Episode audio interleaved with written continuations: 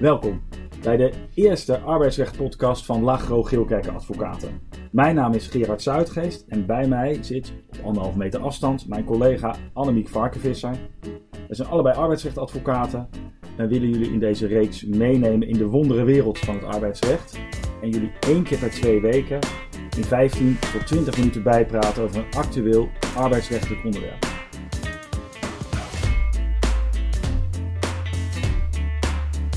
Annemiek, waar gaan we het vandaag over hebben? We gaan het vandaag hebben over thuiswerken. Want de overheid heeft ons uh, ongeveer een jaar geleden alweer in verband met corona het dringende advies gegeven om zoveel mogelijk thuis te werken. En, mm -hmm. en na een jaar, hoe bevalt het jou? Op zich bevalt het prima, maar ik vind het wel saai. Dus ik mis wel uh, het oude kantoorleven met uh, mensen om je heen. Uh, af en toe een praatje kunnen maken bij de koffie. En ik vind ook wel dat het stimulerend werkt om werkende mensen om je heen te hebben. Wat vind jij?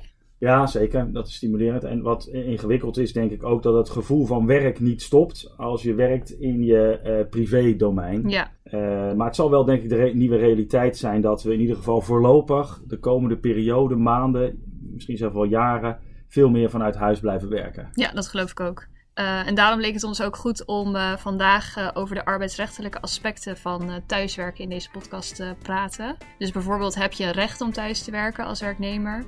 En wat wordt er van werkgevers verwacht als, je het, als het gaat over het faciliteren van thuiswerken? Yes, laten we beginnen.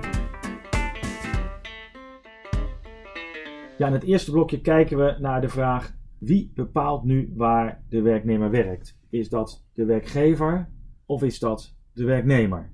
Ja, en normaal gesproken kijken we dan natuurlijk eerst naar de wet. Maar omdat het de overheid nu zo'n dringend advies heeft gegeven om, uh, om thuis te werken, is de vraag eigenlijk: is dat overheidsadvies dan bepalend? Of bepaalt het nog steeds de werkgever of de werknemer? Ja. En daar heeft de rechtbank Gelderland vorig jaar een uitspraak over gedaan. Dat ging over een keukenfabrikant, waarvan de werknemer uh, vond dat hij of zij een recht had om thuis te werken. En de werkgever die vond dat zij gewoon op, uh, op kantoor moest werken, omdat zij onder andere pakketten moest aannemen, bestellingen moest verwerken. Uh, dus dat kon allemaal niet vanuit huis en dat moest gewoon uh, op kantoor worden gedaan.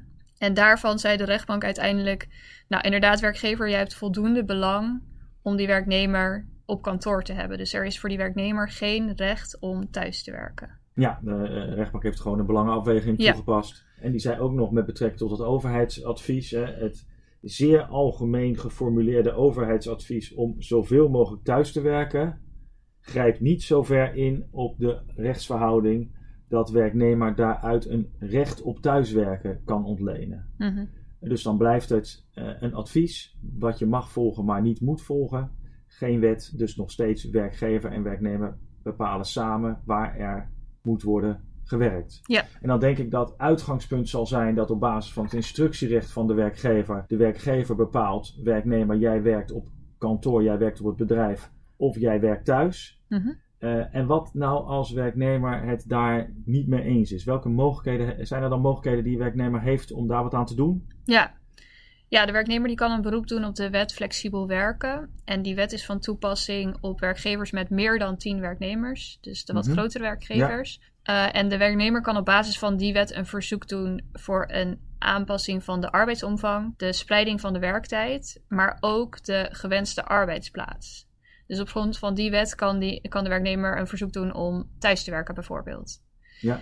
En voor die eerste twee verzoeken, dus de arbeidsomvang en de spreiding van de werktijd, daarvoor geldt een hele hoge lat voor een werkgever om, uh, om dat verzoek af te wijzen. Want dan moet er namelijk sprake zijn van zwaarwegende bedrijfs- of dienstbelangen. Terwijl bij die wijziging van de arbeidsplaats alleen een reguliere belangenafweging geldt. Dus dan kan de werkgever eigenlijk eenvoudiger zeggen: Ik wijs jouw verzoek tot, uh, tot thuiswerken of tot wijziging van de arbeidsplaats wijs ik af, omdat ik uh, daar deze en deze belangen bij heb.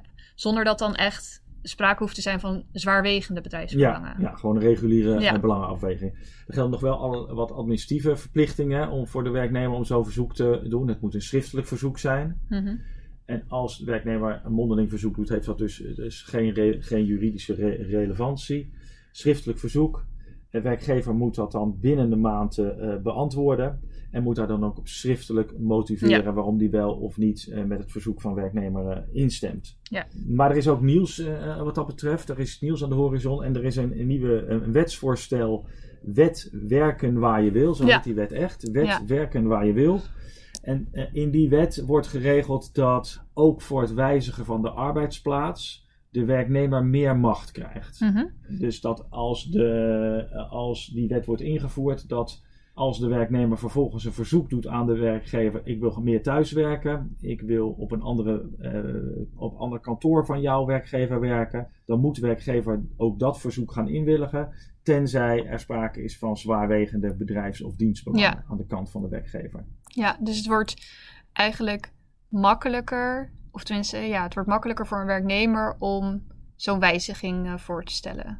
Zo'n wijziging af te dwingen. Af te dwingen, ja. En ik, nou, makkelijker. Ik denk zelfs dat als, deze, als dit wetsvoorstel wordt ingevoerd, dat het bijna onmogelijk zal zijn voor werkgevers om tegen te houden dat een werknemer bepaalt waar er wordt gewerkt. Mhm.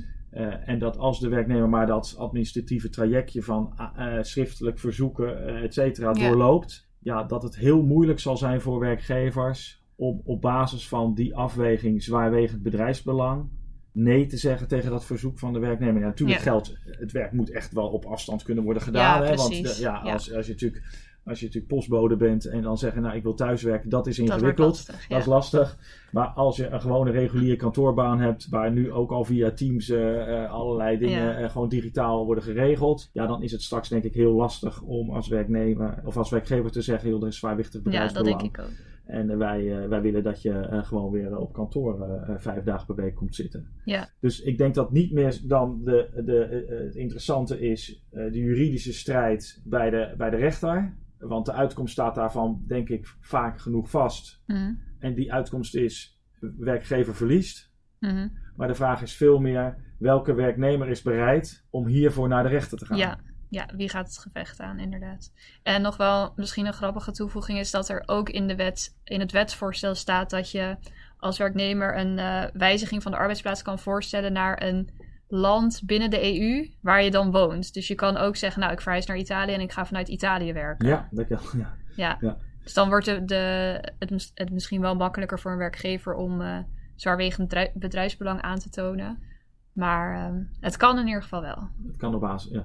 Overigens misschien goed, hè, eh, we praten er al over alsof dat wetsvoorstel is aangenomen. Mm. Maar dat is niet het geval. De Tweede Kamer gaat er op 6 april eh, over doorpraten. En dan moet dan vervolgens worden aangenomen en ook nog door de Eerste Kamer.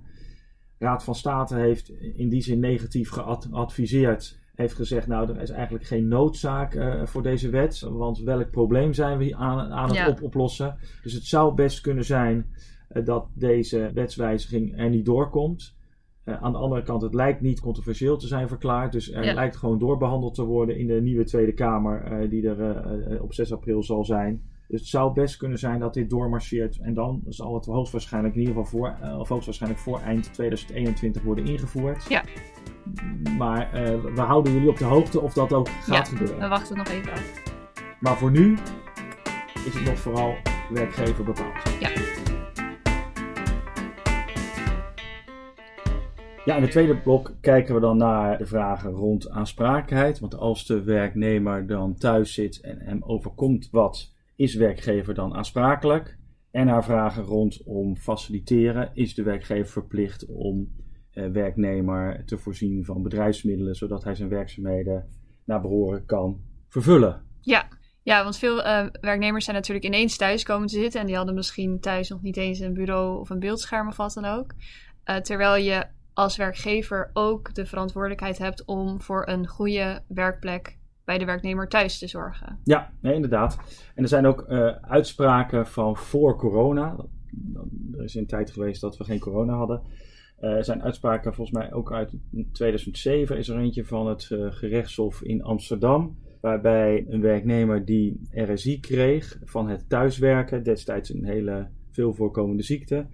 RSI kreeg van het thuiswerken. Eh, daarvoor werd werkgever aansprakelijk gehouden, omdat werkgever niet aannemelijk kon maken dat eh, men zich aan de zorgplicht had gehouden. Ja. Dus dat betekent dat je als werkgever ook de verplichtingen hebt die je voor de reguliere werkplek op het bedrijf hebt. natuurlijk alleen in de gevallen dat er structureel thuisgewerkt wordt. Ja, ja. En je krijgt natuurlijk nu dan allerlei weer nieuwe vraagstukken omdat, omdat werknemers veel meer thuiswerken. Want stel een werknemer valt in de thuissituatie uh, of glijdt uit in de keuken over een, uh, over een natte vloer, is de werkgever daar dan voor aansprakelijk? Ja, of loopt naar beneden om de net bij Zalando bestelde schoenen die aankomen open te doen. En uh, nou ja, dat gaat allemaal niet goed. Ja. Is de werkgever aansprakelijk? Ja, in beginsel gelden denk ik dezelfde aansprakelijkheidsregels bij de werknemer thuis als die bij werkgever zouden gelden. Dus werkgever is wel ehm, verplicht om voor een veilige werkomgeving Mhm. te zorgen. Maar dat soort huistuin- en keukenongevallen, Letterlijk, ja. letterlijk, Ja. daarvoor geldt nu natuurlijk eigenlijk ook al dat, die, eh, dat de werkgever daar niet of nauwelijks aansprakelijk voor is. En ik verwacht ook niet, maar we gaan misschien hele gek, gekke dingen zien, eh, dat werkgevers eh, werknemers hoeven te instrueren om bij het omlaag lopen, om de Zalando schoenen op te halen of op pauze te gaan, om dan de hand aan de rugle of aan de Nee. trapleuning te houden. Of een bordje neer te zetten Of- als je gaat wijlen. Nee, dus, maar ja, eh, we, we staan natuurlijk denk ik wel aan de vooravond van allerlei onverwachte si- situaties. En ik denk wel dat het goed is voor werkgevers om na te denken, zijn er nou bijzondere risico's bij het thuiswerken waar wij als werkgever iets aan zouden kunnen doen? En als het ant- antwoord daarop ja is, ja, dan eh, is duidelijk dat er een zorgplicht geldt en dat je Ja. als werkgever je daar ook actief mee eh, zou moeten bemoeien. Ja, dus bijvoorbeeld als je weet van een werknemer dat hij, dat hij thuis nou, geen goed bureau heeft of, of alleen op zijn, eh, zijn laptop zit te werken, dan heb je als werkgever zijn zorgplicht om daar eh, wat aan te doen. Ja, dan is natuurlijk wel de vraag, hoe doe je dat dan? Hè? Ja. Eh, daar gaan we denk ik in het laatste blokje naar kijken. Welke controlemogelijkheden er zijn er? En wat mag je dan wel en wat mag je dan niet doen? Maar soms is het ook betrekkelijk eenvoudig. Hè? Je- als je de zorg hebt over of de werknemer goed achter het bureau zit, dan kan je gewoon een erg ergotherapeut Mhm. langs sturen. En veel werknemers zullen daar gewoon mee instemmen. Ja. En is, als dan de vraag is, is een werkgever verplicht om die ergotherapeut toe te laten? Ja, dan is het antwoord weer eenvoudig. Nee, dat is de werknemer niet. Want het is Mm. natuurlijk toch uiteindelijk het eigen huis van de werknemer. Maar veelal zal, zullen werknemers wel daaraan mee willen, willen werken. En thuiswerkovereenkomsten? Ja, die zie je eh, steeds, steeds vaker. Ook in het kader van eh, het, het, het tweede eh, blokje, of blokje over faciliteren. Mhm. Want je zei al, ja, werkgever heeft een zorgplicht en daar volgt natuurlijk ook een zekere vast faciliteringsplicht uit. Werkgever is dan natuurlijk niet gehouden om allerlei nieuwe spullen voor werknemer eh, te kopen. Je kan ook zeggen, dan neem je oude bureaustoel maar mee. En als je weer eh, hier aan de slag gaat eh, op het kantoor of op het bedrijf, dan neem je hem maar weer mee terug. Mhm. Eh, maar in thuiswerkovereenkomsten worden er allerlei zaken geregeld over de bereikbaarheid eh, van werknemers, over privacyaspecten, over welke voorzieningen voor wiens risico en voor wiens kosten komen, over onkostenvergoedingen. En in welke gevallen, eh, gelet op de output van de werknemer, dan thuiswerken wordt beëindigd. Ja. En daarin, dat geeft werkgever en werknemer wat meer duidelijkheid over hoe die thuiswerksituatie moet worden vormgegeven Ja. Is iets wat, wat je steeds, eh, steeds vaker ziet. En wat je ook steeds vaker ziet, is eh, werkgevers die na aanvankelijke aarzelingen op dat punt toch veel vaker on, extra onkostenvergoedingen aan werknemers gaan verschaffen. Bijvoorbeeld voor de koffie of andere eh, Mhm. dingen. Het gaat veelal om kleine bedragen. Ja. Maar je ziet toch steeds meer in onze praktijk dat werkgevers daartoe overgaan, omdat ze ook echt zien, ja, werknemers hebben ook gewoon meer kosten Ja. als, ze, als ze thuiswerken. Levert natuurlijk wel allerlei andere vragen op. Ja, wat doe je dan met de doorlopende kantoorkosten? Dus Ja. de bedrijfseconomische modellen zitten, zijn misschien nog niet helemaal daarop aangepast. Maar wie weet dat in de toekomst ook de eh, grote kantoortuinen eh, niet meer bestaan of in ieder geval veel kleiner zijn. Is niet een onderwerp voor deze podcast waar we alleen maar naar het arbeidsrecht kijken. Ja. Oké, eh, Oké. over naar het derde blokje. Ja, laten we dat doen. Tot slot gaan we het hebben over de mogelijkheden die een werkgever heeft om zijn werknemers die thuiswerken te controleren. Dus eh, wordt er wel echt thuisgewerkt? En hoe zit dat op het gebied van privacy? Ja, want we merken uit, in de praktijk dat veel werkgevers het spannend vinden dat eh, een belangrijk deel van werknemers eh, thuis zitten. En zeker ook al voor een behoorlijke periode. Ja. En inderdaad komen dan wel eens vragen van nou, hoe, hoe kunnen we nou controleren en mogen we controleren of ze niet op de bank aan het Netflixen zijn. Hmm. Eh, maar dan kom je heel snel in vragen rondom de AVG terecht. Want feitelijk schaadt je de privacy van werknemers door hen te controleren. Ja, klopt. Ik heb ook gelezen dat er bijvoorbeeld Amerikaanse bedrijven zijn die elke 10 minuten een screenshot maken van Zo. de computer van hun werknemers. Om te kijken of ze werken. En er zijn ook bedrijven die bijvoorbeeld kijken hoeveel toetsaanslagen de werknemer per uur of eh, per minuut maken. Om te kijken hoe hard ze werken. Ja. Ja, dat is best behoorlijk is dat, ja. Ja, En je hebt inderdaad veel verschillende software om werknemers te, te controleren op hun online gedrag. eh zo'n type, eh, welke e-mails sturen ze, hoe is het internetgebruik en dergelijke. Maar de vraag is vanuit het arbeidsrecht natuurlijk, mag dat wel? Mhm. Als je werknemers wil controleren op de e-mails die ze versturen en om te zien of ze dat voldoende doen, en wat moet je dan, aan welke voorwaarden moet je dan voldoen om dat AVG-proof te doen? Nou, de eerste voorwaarde is om, dat je een gerechtvaardigd belang of een legitieme reden moet hebben. Eh, en die heb je bijvoorbeeld in situaties waarbij het je opvalt dat de output van een bepaalde werknemer achterblijft bij andere ja, werknemers. Tweede voorwaarde is dat de, de controletool die je inzet noodzakelijk moet zijn. Het doel kan dus dan niet, het doel van de controle of het achterhalen wat de achtergrond is, niet op een andere manier worden bereikt. En dat brengt natuurlijk wel met zich mee dat je eigenlijk eerst moet nagaan of het op een andere manier kan. Bijvoorbeeld door het gesprek aan te gaan met een werknemer. ja, ja, precies. En daarnaast moet je ook altijd het personeel informeren over de controle die je verricht. Dus dat je controle verricht, maar ook hoe je dat dan doet. Dus bijvoorbeeld in een protocol dat je dat vastlegt. En je moet ook het recht op vertrouwelijke informatie respecteren. Dus als je bijvoorbeeld in de mailbox van de werknemer privé-mailtjes ziet, dan mag je die niet Nee. bekijken. Nee. Nou, misschien is het ook nog wel goed, hè, eh, want in de AVG is ook geregeld dat als je de instemming hebt van degene wiens gegevens je verwerkt, en in dit Mhm. geval is dat, zijn dat de gegevens van de werknemer, eh, dat je met instemming ook eh, AVG-proof kunt zijn. Alleen uit wat de autoriteit eh, vindt en uit eh, rechtspraak blijkt dat de gegeven instemming van de werknemer de werkgever niet kan baten in een eventueel geschil hierover. En dat komt omdat de werknemer in een gezagsverhouding met de werkgever staat en dus ook niet vrij is of zich niet vrij zou kunnen voelen om de instemming aan de werknemer, aan de werkgever te weigeren. Ja, En als je niet vrijelijk kunt weigeren, ja, dan heb je ook niet zo heel veel aan de instemming. En dat wordt dus in het arbeidsrecht eh, vaak gevonden. Dus de instemming, de mogelijkheid van instemming parkeren maar eventjes. Dus je houdt dan inderdaad over het gerechtvaardigd belang, legitieme reden. En de noodzaak eh, tot het inzetten van dat controlemiddel. Waarbij Ja. jij dan hebt genoemd van nou, eh, de informatie vooraf. En dat je vertrouwelijke informatie moet respecteren. ja precies. En, En je nou- moet ook de OR om instemming vragen. Ja, Dus ja. dat is ook een belangrijk punt.